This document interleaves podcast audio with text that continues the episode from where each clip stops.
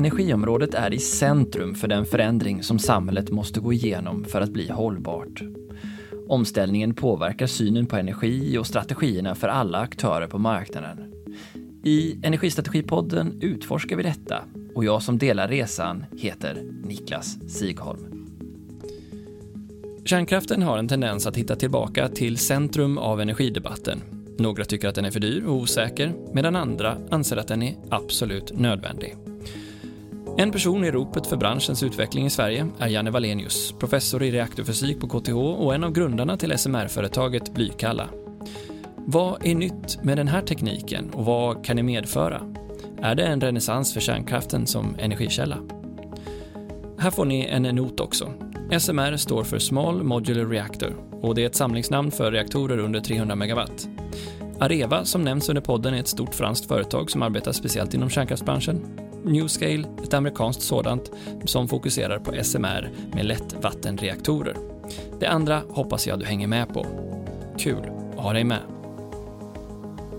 Hej Janne Valenius, varmt välkommen till Energistrategipodden. Tack så jättemycket. Kan du berätta vem du är och vad du gör? Ja, jag är eh, professor i reaktorfysik på KTH och eh, dessutom så är jag grundare till bolaget Blykalla reaktorer som utvecklar små blykylda eh, kärnkraftverk. Vad, om du tar oss tillbaka, du som har jobbat med kärnkraften länge. Vad är anledningen till att kärnkraftens position ser ut som den gör i Sverige idag? Nej, men alltså, idag, är, idag är en situation där Sverige har, har lagt ner, eh, stängt sex stycken kärnreaktorer. Och vi har sex stycken kvar. Och, eh, eh, det har funnits en politisk viljeinriktning att eh, avveckla kärnkraften. Nu, ser, nu eh, är det så här att nu är det ju tekniskt sett väldigt svårt att lägga ner ytterligare reaktorer för då får vi problem med effektförsörjning i landet. Och då har eh, man kommit, kommit till ett läge där eh, den socialdemokratiska regeringen säger att ja, vi kan fortsätta att köra landets kärnkraft så länge kärnkraftsindustrin önskar. Men eh, det, man kommer inte att stödja den direkt med, med subventioner. Sen har det blivit lite intressanta politiska majoriteter i riksdagen som har gjort att Energimyndighetens uppdrag att, att möjliggöra en avveckling av kärnkraften har ju nu förändrats till att Energimyndigheten skulle även kunna stödja forskning och utveckling om, om all fossilkraft och där, där ingår ju kärnkraften. När eh, Sverige var som störst inom utbyggnad och, och eh, kärnkraftskunskap, eh, hur, vilken position hade vi internationellt då? Om, om du tar oss tillbaka till 60, 70, 80-tal. Ja, Sverige var ju väl, har ju byggt ut kärnkraften snabbare än något annat land om vi räknar per capita. Och kom fram till eh, ett energisystem i mitten på 80-talet som var fossilfritt. Så på den tiden så var vi världsledande och det fanns eh, företag som, som ledde den tekniska utvecklingen, som Asea-Atom. Så jag tänker att det kan vara bra att känna till att Sverige har haft den positionen och sen dess, eh, hur har liksom eh, kompetensen och forskningen kring kärnkraften bevarats i Sverige? Alltså, efter att kärntekniklagen skrevs år 1984 så att det blev förbjudet att, att, eh, göra, att planera för ny kärnkraft i Sverige så, så, så tappade, ju, tappade ju svensk ungdom intresset för att utbilda sig för inom kärnteknik. Så till exempel på KTH hade vi inte en enda doktorsförhandling i, i reaktorfysik på 17 år. Och det är ju katastrofalt förstås för, för uppbyggnaden av kompetens och för, för eh, forskningen som sådan.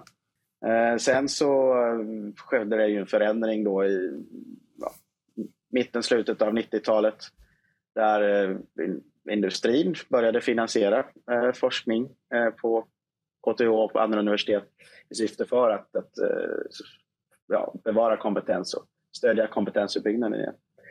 Eh, det var ju fortfarande då så att, att det var industrin kunde betala för forskning och man kunde få pengar från EU-projekt. Men medan det fanns egentligen ingen direkt statlig finansiering om, om ny kärnkraft i Sverige.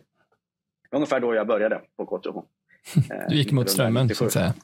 Ja, precis.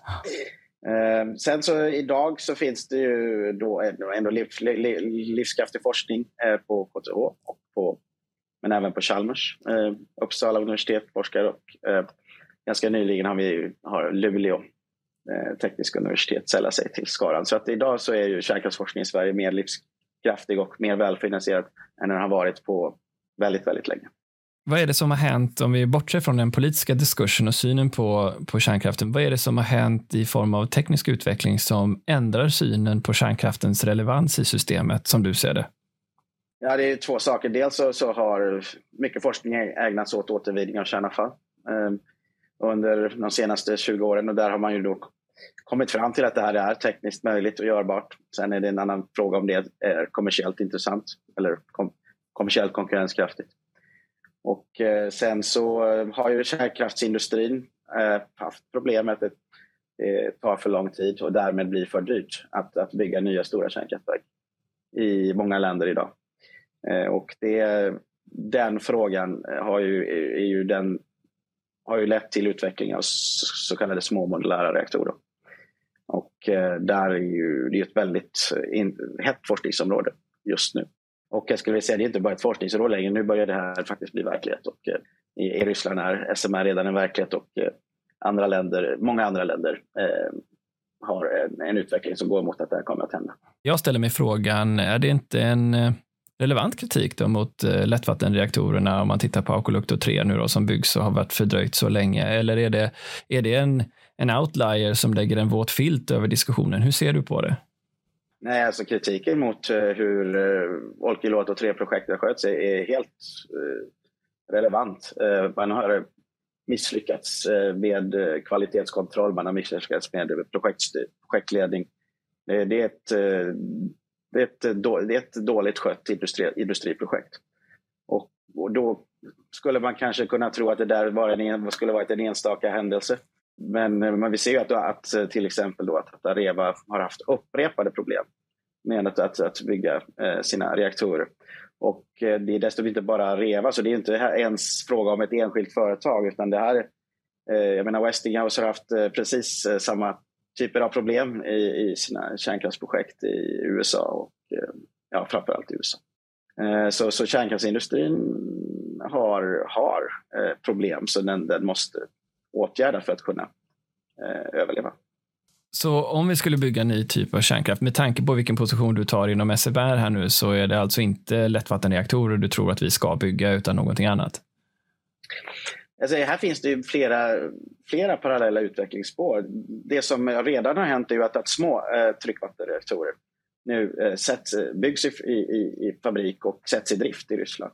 Och det här är ju där man kommit längst fram när det gäller SMR. Så att, eh, det kommer att byggas eh, vattenkylda reaktorer eh, och det kommer att byggas många av dem. Eh, sen så har ju eh, blykylda reaktorer särskilda fördelar som gör att jag tror att att eh, det kommer att kunna gå alldeles, kommer att gå väldigt bra att konkurrera på SMR-marknaden. Och eh, ja, till exempel så är ju de vattenkylda och helkylda SMR som nu tagits i drift, de är ju inte små i, i, i fysisk mening. De, är bara, de har ju bara liten effekt, men, men rent fysiskt så är de ju faktiskt större eh, än traditionella lättvattenreaktorer. Eh, så att det är inte små modulära reaktorer, utan det är stora modulära reaktorer. Som Newscale och eh, GE Hitachi och Eh, och X-Energy håller på att utveckla.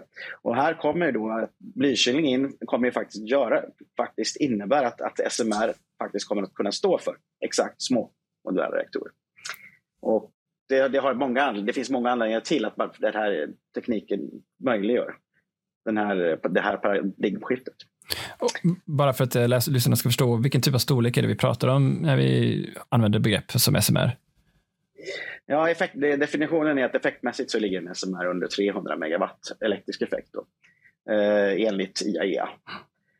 Eh, så effektmässigt är reaktorerna små, men tittar vi storleksmässigt så har både jag menar, Newscale och eh, GE Hitachis eh, reaktorkärl är ju, är ju 20 meter höga jämfört med eh, ja, alltså vanliga tryckvattenreaktorer eller, eller kokarvattenreaktorer som är betydligt eh, mindre i, i höjd.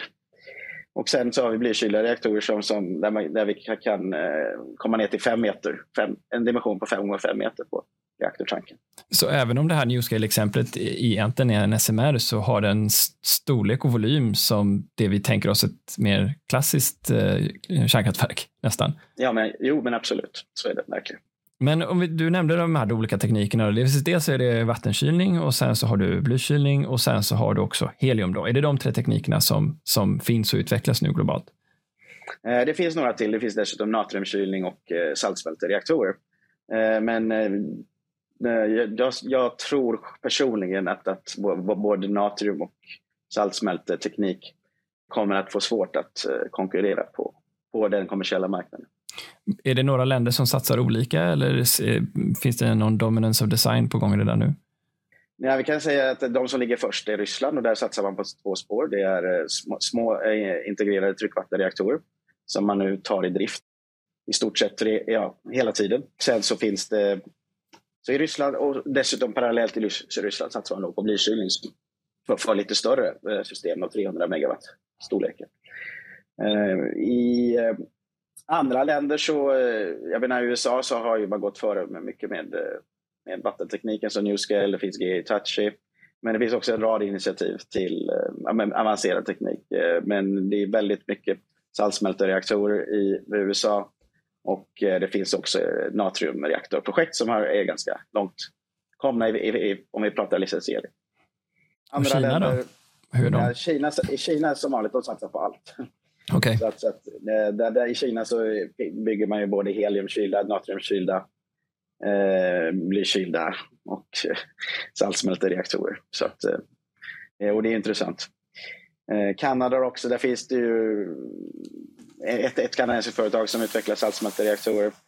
Och det är många som försöker etablera sig i Kanada för att Kanada har ett väldigt väl uh, utvecklat regelverk för att uh, till, ge tillstånd till ny teknik, inklusive SMR. Jämfört med Europa då, eller?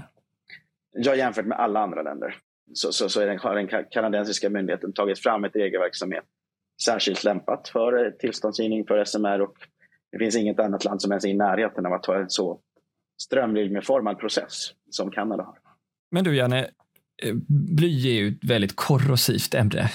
Mm. Vad var det som föranledde er in, ändå in på spåret att det här är någonting som kraftigt kan förbättra förutsättningen för den här tekniken?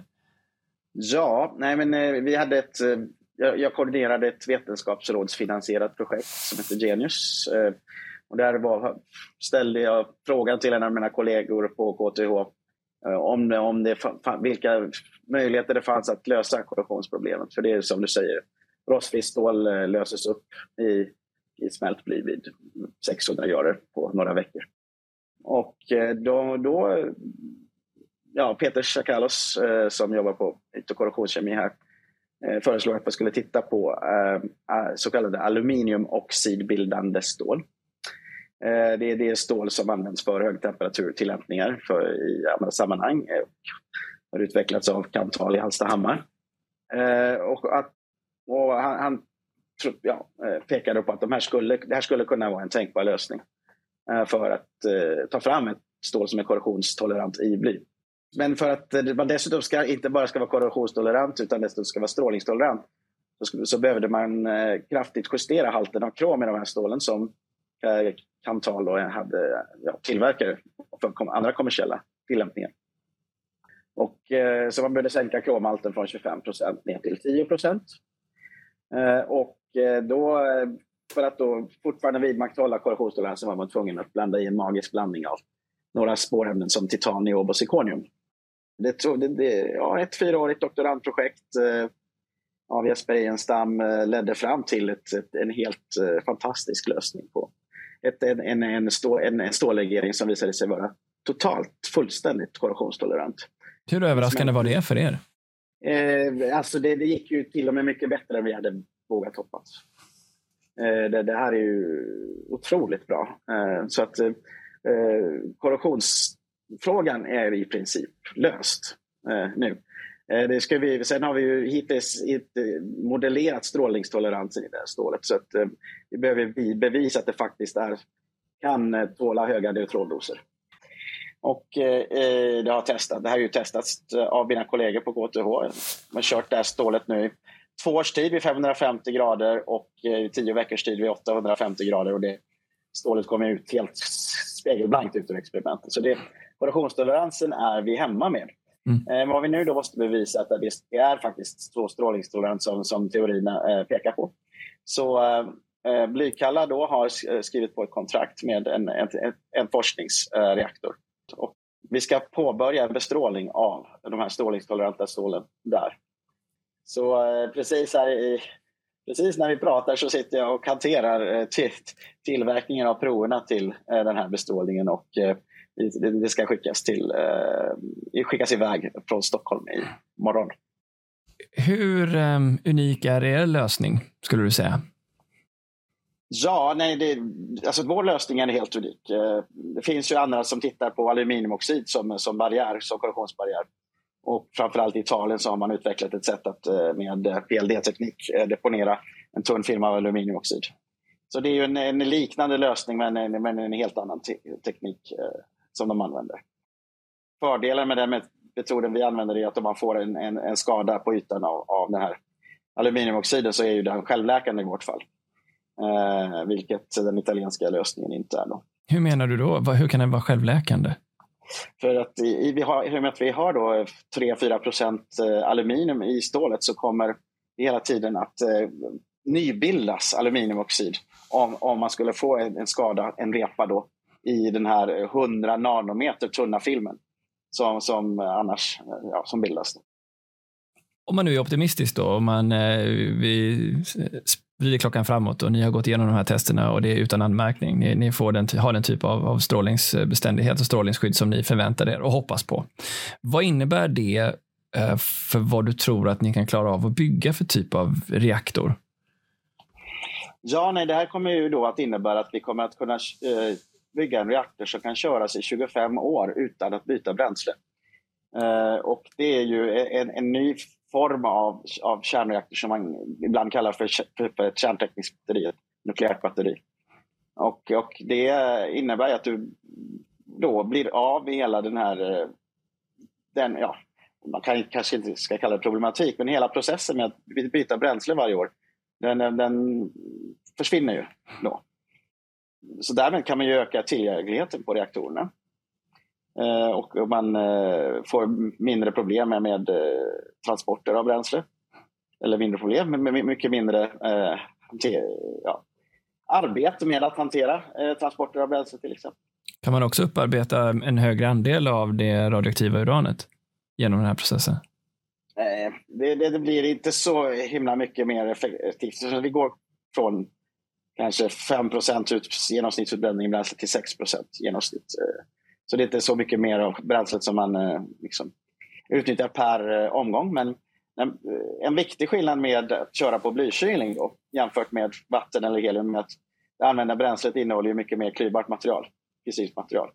Det är alltså tio gånger mer. Det är ju en bridreaktor det här. Vad betyder att, det då för de som inte vet vad en sån reaktor är?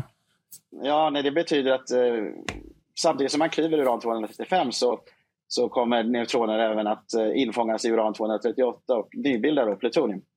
Eh, med en effektivitet som är så pass stor att du kommer ha mer kärnbränsle i det använda bränslet än du hade i det färska. Eh, och det, och så att det enda du behöver tillföra efter, efteråt, när du, om du skulle återvinna det här, det är ju tillföra uran-238. Och så kan du fortsätta att köra i en sån här cykel i all evighet. I praktiska termer. Vi pratar om 10 000 år på att bara tillföra uran 238. Så det är ju, det är ju en fantastisk, det öppnar ju helt, helt otroligt nya perspektiv. Eh, och vad innebär det för, för typ av, av, av, mängden avfall vi, vi skulle få av en sån här process? Ja, man eh, förutom plutoniumet då även återvinner äh, americium eh, som är en, en rest, så kallad restaktinid. Eh, då kan man få ner för, förvaringstiden för det resterande avfallet, klyvningsprodukterna, till under tusen år. Eh, och det är en teknik som eh, man har visat under de senaste 20 åren att den funkar åtminstone i, i, i pilotskala. Men, men den, är, det, det är för, eh, den är ju för kostsam för att, att kunna tillämpa på eh, återvinning av eh, använt lättvattenreaktorbränsle för det finns för lite plutonium i, i, det helt enkelt. Men om vi tänker använt bränsle från eh, ja, blykylda reaktorer Eh, så, så kan du alltså återvinna, om du återvinner både plutonium och americium så får du eh, mer förvaringstid än tusen år. Du får hundra gånger mindre högaktivt eh, avfall. Och eh, du kan minska storle den, storleken på, på djupförvaret eh, med en faktor mellan 3 till 6. Så att, det, det, förändrar ju hela, hela perspektivet och dimensionen av, av, eh, av slutförvaret. Så tyvärr kan inte det här bryta den cykeln av, av allt befintligt avfall som vi har idag. Däremot så i nästa cykel, om du laddar och utnyttjar det som finns kvar från blykylda reaktorer, då är vi i en helt annan värld. Precis så. Precis så är det.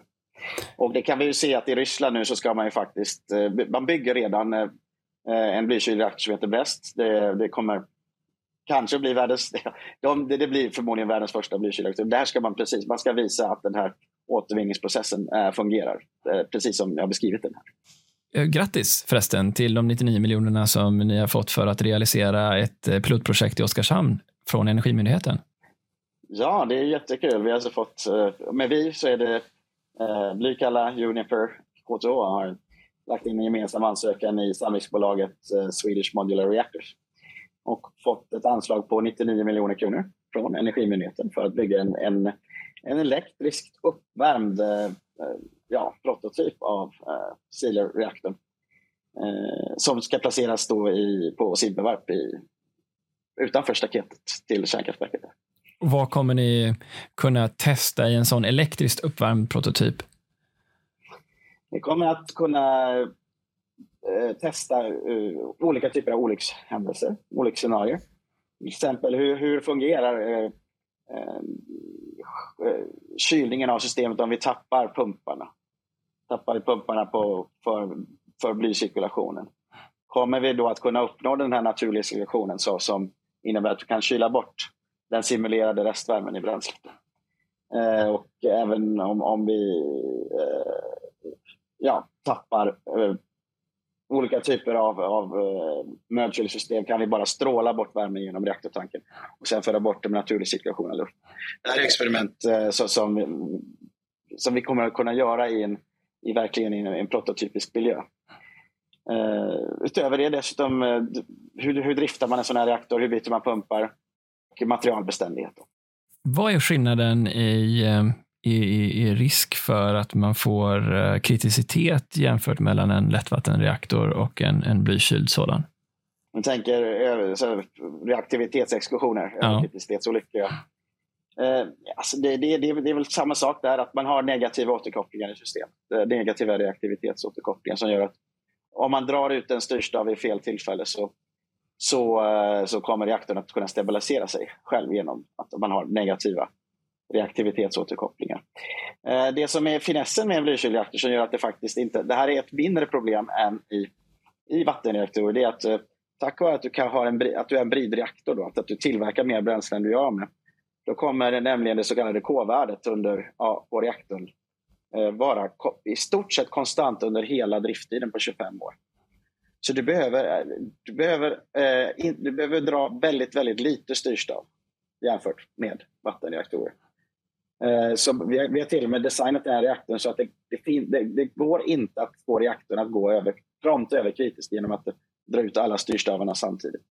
Så det, det här är ju ett, ett ytterligare ett, ett lager av säkerhet så, som ja, det är ytterligare en säkerhetsaspekt här som är faktiskt bättre än i en lättvattenreaktor. Så det är det man pratar om, att, att, att risken för att gå över ett på K-faktorn är det är praktiskt taget omöjligt. En sån här. Det här är en, eh, det här är en, en, en själv, självdämpande ja. effekt.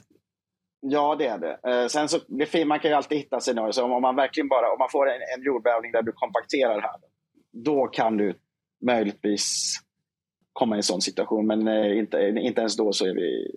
Ja, det är väldigt svårt att, att hitta ett sånt scenario i de här reaktorerna. Hur säkert upplever du att kärnkraften är?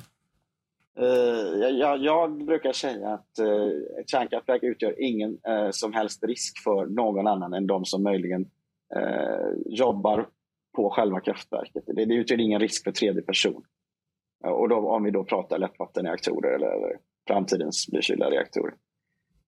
sen är, det ju, det, det, finns ju situationer där du, du kan ha skadade bränsleelement där du kommer att väcka radioaktivitet. Men Eh, det är ju det är som eh, ett annat känt hälsoproblem. Eh, det är, avstånd utgör allt. Alltså, avstånd är det bästa sättet att skydda sig mot radioaktivitet. Eh, vilket innebär att det är möjligen de som befinner sig på ett kraftverk som kan råka ut för exponering av radioaktivitet i, i, ett framtida haveri i, i, i ett kärnkraftverk. Men för tredje person så utgör inte kärnkraften någon risk som jag ser. Bara en stilla reflektion. Vad är, vad är din tanke kring Europas reaktion på händelsen i Fukushima? Och allmänhetens kunskap om det? Uh, ja, nej, alltså, man har ju reagerat väldigt olika. I, i, I, länder som Sverige så fick det ju egentligen ingen, som, ingen väldigt, väldigt marginell inverkan på, på allmänhetens syn på kärnkraften. Uh, men i, medan i länder som Tyskland så var det ju det direkta orsaken till att man uh, nu har ja, i år kommer att lägga ner eh, kärnkraften. Så, så det, har, det har varit helt eh, beroende på vilket land du är. Och där är ju frågan eh, lite intressant att ställa sig frågan hur kommer det sig att man i Tyskland eh, reagerar så på ett helt annat sätt än vad man, vad man gjort i länder som Sverige, Finland och England, Frankrike. Vad, vad är det för typiska missuppfattningar eh, du tycker finns där ute? Alltså så här är det, det, det, det finns uppfattningar som faktiskt inte är så, så, så, så felaktiga. Jag menar, kärn, allmänt kärnbränsle är farligt på riktigt. Man ska hantera det med mycket stor kompetens och med mycket stor försiktighet. Sen däremot att, att, att ett kärnkraftshaveri skulle kunna leda till att liksom man, man behöver eh, eva, evakuera stora städer eller landsdelar och att det, det skulle bli obeboeligt för all framtid. Det, det, det, det finns sådana farhågor bland människor och det, och de är inte, har ju ingenting med, med den praktiska verkligheten att göra. Eh, så, så det är en fråga om, om, om eh, perspektivet där. Ja, visst, det, det här är inte ofarliga ämnen, men vi vet, vi, vi, vet hur vi ska hantera dem och ett kärnkraftverk utgör inte en fara för tredje person. Hur säkert kan det bli då? Vi har hört i debatten att eh, vissa politiker till och med förordat att det här ska kunna bli så säkert att vi kan ha det nära vilken stad som helst. Stämmer det? Ja, säkerhetsmässigt så skulle man kunna absolut tänka sig det. Eh, men eh, rent ekonomiskt så skulle det bara fungera, eh, vara meningsfullt för, för de allra största städerna. Och orsaken till det är att varje kärnkraftverk så måste du ha Ja, dels måste ju varje kärnkraftverk ha minst 30 operatörer anställda och sen måste du ju varje kärnkraftverk ha 60 till 100 säkerhetsvakter anställda. Och om du då har ett litet kärnkraftverk som ska förse en medelstor svensk stad med all den el du behöver så blir bara, så blir personalkostnaden för hög för att det ska vara kommersiellt konkurrenskraftigt. Så eh, däremot så, så, så, att, så jag tror inte att det, det, där kommer att hända, även om det tekniskt sett och säkerhetsmässigt absolut är tänkbart. Utan eh, man kommer, i länder som Sverige kommer man bygga med SMR på existerande kärnkraftssajter. Och sen kan man tänka sig att eh, de riktigt stora elkonsumenterna, eh, som den nya stålindustrin, eh, skulle kunna smälla upp eller ha tio stycken SMR-enheter på, på, på, på, på sitt område. För det är någonstans där jag ser det. Man behöver ha tio enheter sam, sam, samplacerade för att det ska kunna vara intressant konkurrenskraftigt. Det är ju en rätt mäktig tanke. 10 stycken 300 megawatts eh, SMR bredvid varandra. 3000 megawatt eh, i, eh, med en drifttid på 10 000 år. Ja, det är fantastiska perspektiv. Det är det ju verkligen. Hur eh, ser det ut med kostnadsutvecklingen med de här nya teknikerna? Vi, eh, graden av hur man eh, mäter, alltså man mäter med något som heter Levelized Cost of, of Energy, LCOE som man förkortar det. Och hur, hur mycket vilken kostnad man har för den energin eh, brukar jämföras med de andra teknikerna och företrädare för eh, förnyelsebara källor säger ja men, men visst du kommer inte under liksom, kanske 90 öre för eh, lättvattenreaktorer medan eh, vindkraften redan ligger på 40 öre och solenergi i vissa delar av länder ligger ännu lägre än så. Var kan sån här teknik slås in någonstans och vilken LCO tittar ni på? Ja, när vi tittar på våra egna reaktorer i Blykalla då, då använder någonstans runt 60 öre kilowattimmen om man bygger i Sverige. Och, eh, så att det, det, är klart att, det, det, alltså, att dyr vindkraft är, är billigare men eh, rent eh, om man bara tittar på själva kraft, eh, kraftproduktionskostnaden. Sen så finns det ju en gräns när eh, systemkostnaderna för, för vindkraften i Sverige blir så pass höga att, att eh, att, att 60 öre i kilowattimmen från en SMR är, är, är kommersiellt gångbart. Va? Och det här, ja, någonstans på mitten av 30-talet så tänker sig så skulle det kunna ske. Då. Att eh, eh, elpriserna på den nordiska elmarknaden hamnar i det häradet. Även under vanliga år och inte under det här, den här ganska så ovanliga hösten som vi haft ändå. Du har även pratat om att kunna serietillverka den här typen av reaktorer. Berätta. Mm. Ja, alltså det, det är ju på det här sättet som vi kan eh, åstadkomma att, att SMR blir, får ett lägre LSOE än, än, än stora lättvattenreaktorer. Det, det är genom att serieutveckla serietillverka många små enheter. Eh, då får man nämligen ner produktionstiden det tar från att man beställer reaktorn tills den är i drift. Och målet är att komma ner till 24 månader. Och då jämför du det med att det tar i snitt sju år idag att bygga en, en stor lättvattenreaktor. Så, så har du ju då fem års... Eh, du tar ju, skalar ju bort fem års ränta på räntakostnader där omedelbart.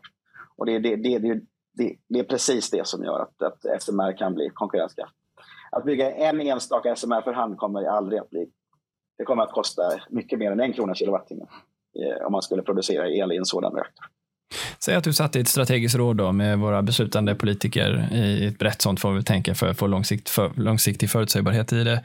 Vad skulle dina argument vara för eh, varför Sverige skulle satsa på en sån här teknik? Ja, nej, men Sverige bör, bör ju satsa, och satsa nu då, som Energimyndigheten faktiskt gör, på, på, det, på den här tekniken för att eh, vi ska kunna eh, hantera en kraftig utbyggnad av, ett kraftigt ökande behov av elektricitet, vilket i sin tur innebär ett, ett, ett ökat behov av baskraft. Så att eh, skall, eh, skall eh, den stålindustrin i Sverige eh, bli koldioxidfri så krävs det otroligt mycket mer elproduktion i landet än vad krävs idag. Och, och idag finns det bara kärnkraft som kan stå för stabiliteten i systemet. Och den risken som det skulle utgöra att, att bygga stora reaktorer idag kan man eh, kraftigt förminska genom att satsa på utvecklingen av SMR. Vilken potential tycker du, du du dig se med tanke på vilken uppställning som finns i Sverige och kompetenser runt det att ta en ledande position i en sån här teknik? Ja, det, alltså det, det, det, dit är vi på väg nu och jag tycker att, att, eh, att, eh, den kompetens som finns tillgänglig eh, i Sverige är, är tillräcklig. Alltså grejen är så här, och det kanske man inte riktigt är medveten om, eh, även bland eh, de som följer kärnkraftsutveckling. Det krävs inte så väldigt mycket, många personer för att utveckla en, en ny kärnkraftsteknik när Asea-Atom utvecklade sina, sina kokarvattenreaktorer så var man ett, ett utvecklingsteam på 15 personer. Eh, och det, det, det, jag menar, tittar vi på den mängd forskare som finns, det finns ju 60-70-tal aktiva forskare inom kärnkraft i Sverige. Så, så, räcker, så finns, kompetensen finns absolut. Det, det handlar bara om att man eh, behöver, man behöver förstå vilka tekniker som faktiskt har potential att, att, att, att nå det här kommersiella målet. Och så behöver man samordna, eh, jobba tillsammans i ett väldigt eh, litet men väldigt effektivt lag för att eh, det här ska bli möjligt. Så jag ser, eh, sen så är det klart att eh, man ska också samarbeta med andra forskare från andra länder och, och ta in den kompetensen som behövs. Eh, det gör vi och, och i Blykalla så har vi ett internationellt lag som, som eh, är väldigt kompetent. Hur är, det, hur är det med värdekedjan då? Du nämnde här att eh, Kanthal i Hallstahammar är en viktig leverantör av, av stålet. Eh, men hur ser det ut med resterande? Hur mycket av den här kompetensen för att bygga sånt här verk finns i Sverige? Ja, alltså det, det finns. Det finns delar av, av, kompetens och kapacitet. Vi kan göra det här själva alltså? Eh, det, det, det gör det. Men eh, sen finns det ju andra saker som jag tycker att eh, där jag absolut tycker att vi ska, vi ska ta in kompetens från, från andra länder. Och, vi har sett till exempel sett, jag har ju tillbringat väldigt mycket tid i Kanada. Och, och där har jag sett det. När Kanada byggde sina Candu-reaktorer på 70-talet, 80-talet så hade de jätte, enorma problem med att, att, att klara sina projekt på tid, enligt, på tidsschemat och, och enligt budget. Där förstod man att man hade ett problem med det. Och man, man åtgärdade detta och idag så arbetar det kanadensiska kärnkraftsindustrin eh, med, med, med en väldigt tydligt formulerade mål för projektstyrning och kvalitetskontroll. Eh, som, som jag tycker att vi i Sverige kan lära oss väldigt, väldigt mycket av. vi har sett att, att eh, alltså, uppgraderingen av de svenska kärnkraftverken har blivit mycket, mycket dyrare och har tagit mycket längre tid än, än man har projekterat för. Så det här är en styrnings och organisationsfråga i hög grad alltså? Ja, jag skulle faktiskt vilja sticka ut hakan och säga att, att det vi Sverige faktiskt idag kan lära sig från ett land som Kanada är, är, styr, är styrning och organisation. Och, eh, det, det, här är en sak som jag hemskt gärna vill ta med mig från, från, från det, ja, mina år i, i Kanada till, till eh, det projektet som vi nu ska eh, sätta igång här. Hur uppfattar du då, tillbaka till den här fiktiva situationen när du sitter med det politiska rådet, i vilken mån förstår, upplever du en, en, att du möter en förståelse från svenska politiker? Ja, nej men här tror jag, tycker jag faktiskt att det finns en stor förståelse och det finns relativt stor kunskap och det finns ett, framförallt ett väldigt stort intresse. Och det, det är ganska tydligt att, eh, att partier som Moderaterna och Kristdemokraterna och Liberalerna har ansträngt sig för att sätta sig in i den här frågan. Och man, man säger att man vill stödja utvecklingen av kärnkraft i Sverige genom att, att ge Strålsäkerhetsmyndigheten resurser. Eh, och eh, det tycker jag är en väldigt rimlig hållning. Sen eh, såklart, Socialdemokraterna har ju haft ett samarbete med Miljöpartiet och jag, jag tycker att det finns personer inom socialdemokratin som är, är kompetenta, är pålästa och men som inte, de, de, de kan inte jag menar, man kan inte runda partiets hållning i frågan. Men jag tycker att det, finns en ganska god kunskap om, eh, om vad som är möjligt att göra med ny kärnkraft i, i, i den politiska världen. Du nämnde som hastigast förut eh, mitten på 30-talet, eh, men för att jag ska förstå, när är det rimligt att vi tänker oss att vi har en första sån här reaktor på plats givet att eh, tillstånd och annat löser sig? Ja, målet är nu att ha den första demonstrationsreaktorn i drift 2030, alltså om åtta år. Sen, och det, att det tar så lång tid och det har att göra med att dels så måste vi kvalificera tekniken. Det här strålexperimentet vi ska ta åtta år. Ja, det är viss tid. Det, det är det. Och sen är det ju så att första gången man går igenom tillståndsprocess så tar den ju också tid. Eh, och det måste man ju förstå att även myndigheten måste ju hitta ett sätt att formulera en, en process för en helt ny typ av teknik. Eh, men sen är målet att man ska kunna typgodkänna en reaktor. Typ. Och bygger man bara exakt samma reaktor och bygger den på fabrik och installerar den på samma plats, då är, kommer processen att vara, gå mycket, mycket fortare. Eh, så då, då, kan både, då ska ju tillstånds, tillståndsprocess, och byggprocess och installeringsprocess kunna, kunna gå på, på två, två, tre år. Va? Vad behöver ni för typ av kunder för att realisera sådana här projekt? Eh, ja, kunder, det är ju de, de, till en början med så är det de klassiska kärnkraftsoperatörerna. Och Blikalla Blykalla har där ett, väldigt gott samarbete med eh, Uniper. Vi har bildat ett samlingsbolag. Eh, så vi utvecklar idag den här tekniken tillsammans. Eh, och det är ett oerhört viktigt och fundamentalt samarbete att ha, att, att ha en kravställande kund med sig. Och där, har, där sitter vi Blykalla i mycket bättre sits än, många, än de flesta av våra konkurrenter. Så det är det. Sen så kan man ju tänka sig i framtiden då att riktigt stora elkonsumenter som eh, ja, den här stålindustrin. Jag menar, H2 Green Steel ska ha ett 1,2 gigawatt el. Det är ju det är absolut möjligt att tänka sig att, att eh, producera kärnkraft på, på sajt på ett, stål, på ett sånt stål stålkraftverk eller eh, en ståltillverkare. Och sen i framtiden så ser vi att datahallarna, datahallarnas kapacitet kommer också. Det finns ju idag, så vitt jag förstår, eh, eh, jag menar datacenter som har en, ett, ett behov på, på 300-400 megawatt. Eh, och eh, ja, det är, alltså, växer de en faktor två till så är det också en, helt klart en, ett, eh, en, en potentiell marknad. Hur är det med stater då och garantier? I vilken mån behövs det som du ser det?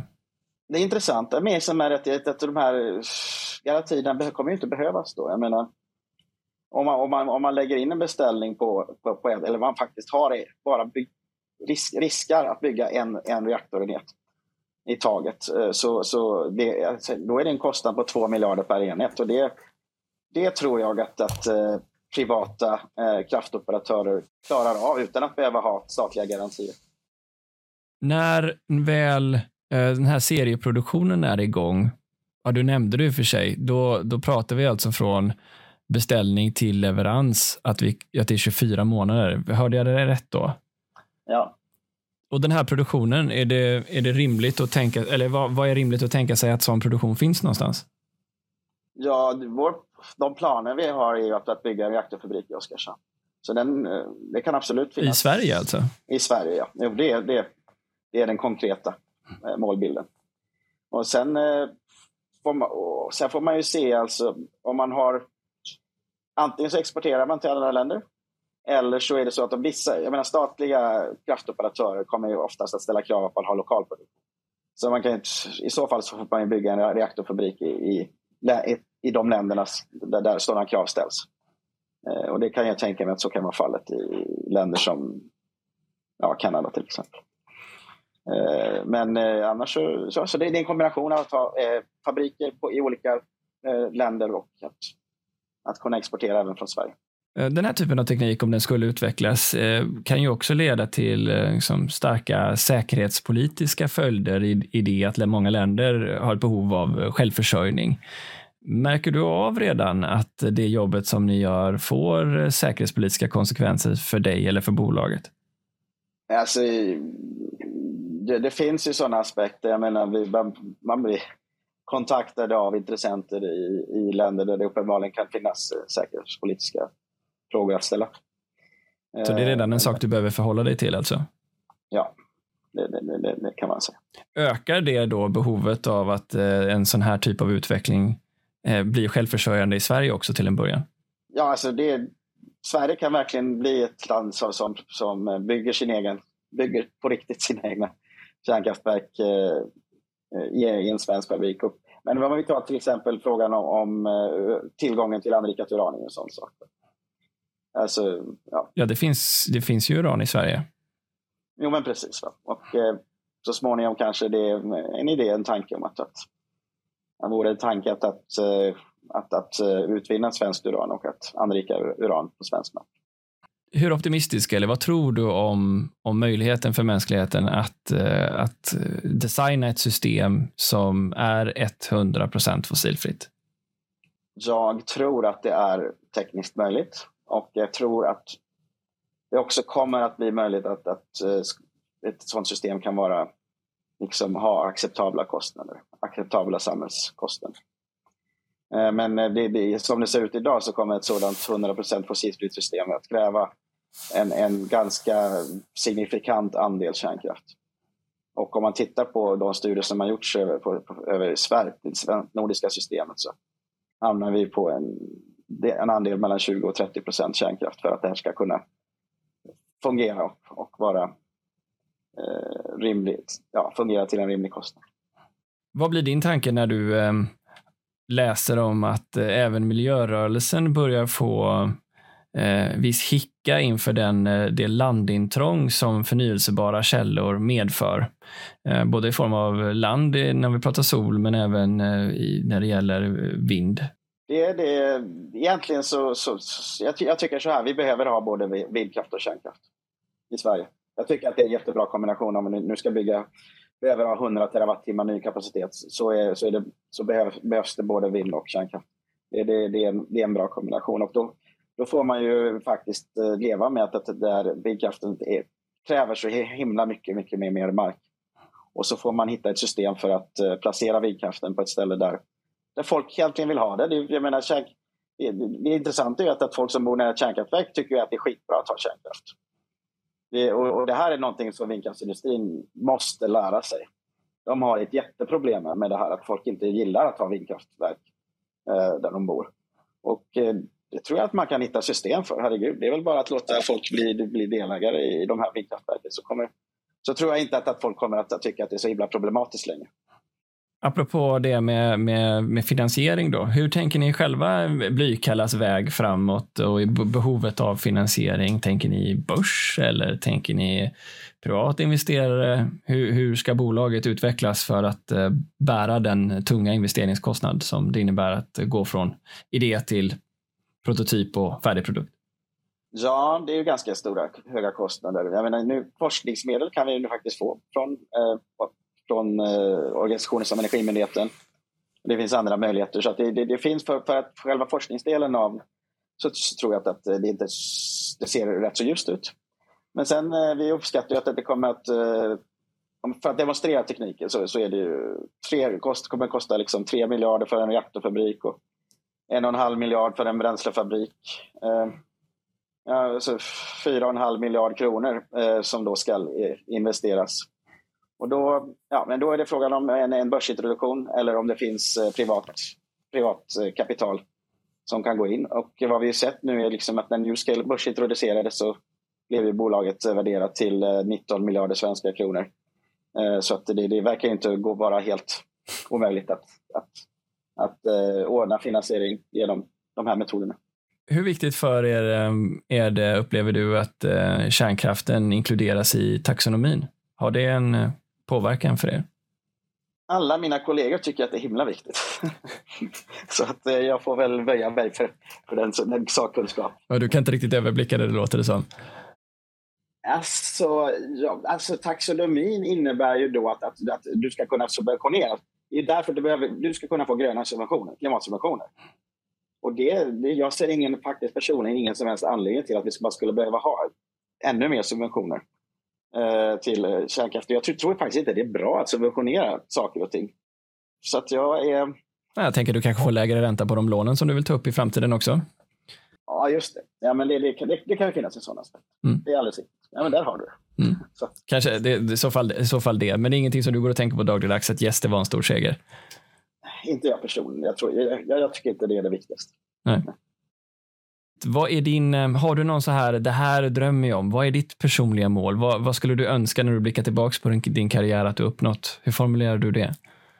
Ja, nej, men alltså, jag vill ju se den. Jag vill ju vara med och, och, och eh, upp, först och främst uppleva den dagen där, där den, den första blykyla reaktorn i Sverige går kritisk.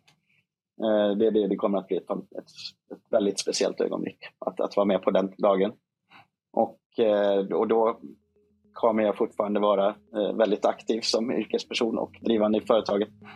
Och sen eh, tio år senare så ska det finnas, då ska vi ha 100, 100, 100 siloreaktorer i Sverige och tusentals under på gång i, i, över hela världen. Så då kan jag dra mig tillbaka och känna att jag har åstadkommit något viktigt för världen. Du Janne, tack så hemskt mycket för att du var med i Energistrategipodden. Tack själv. Det var jättefint att få vara med. Tack.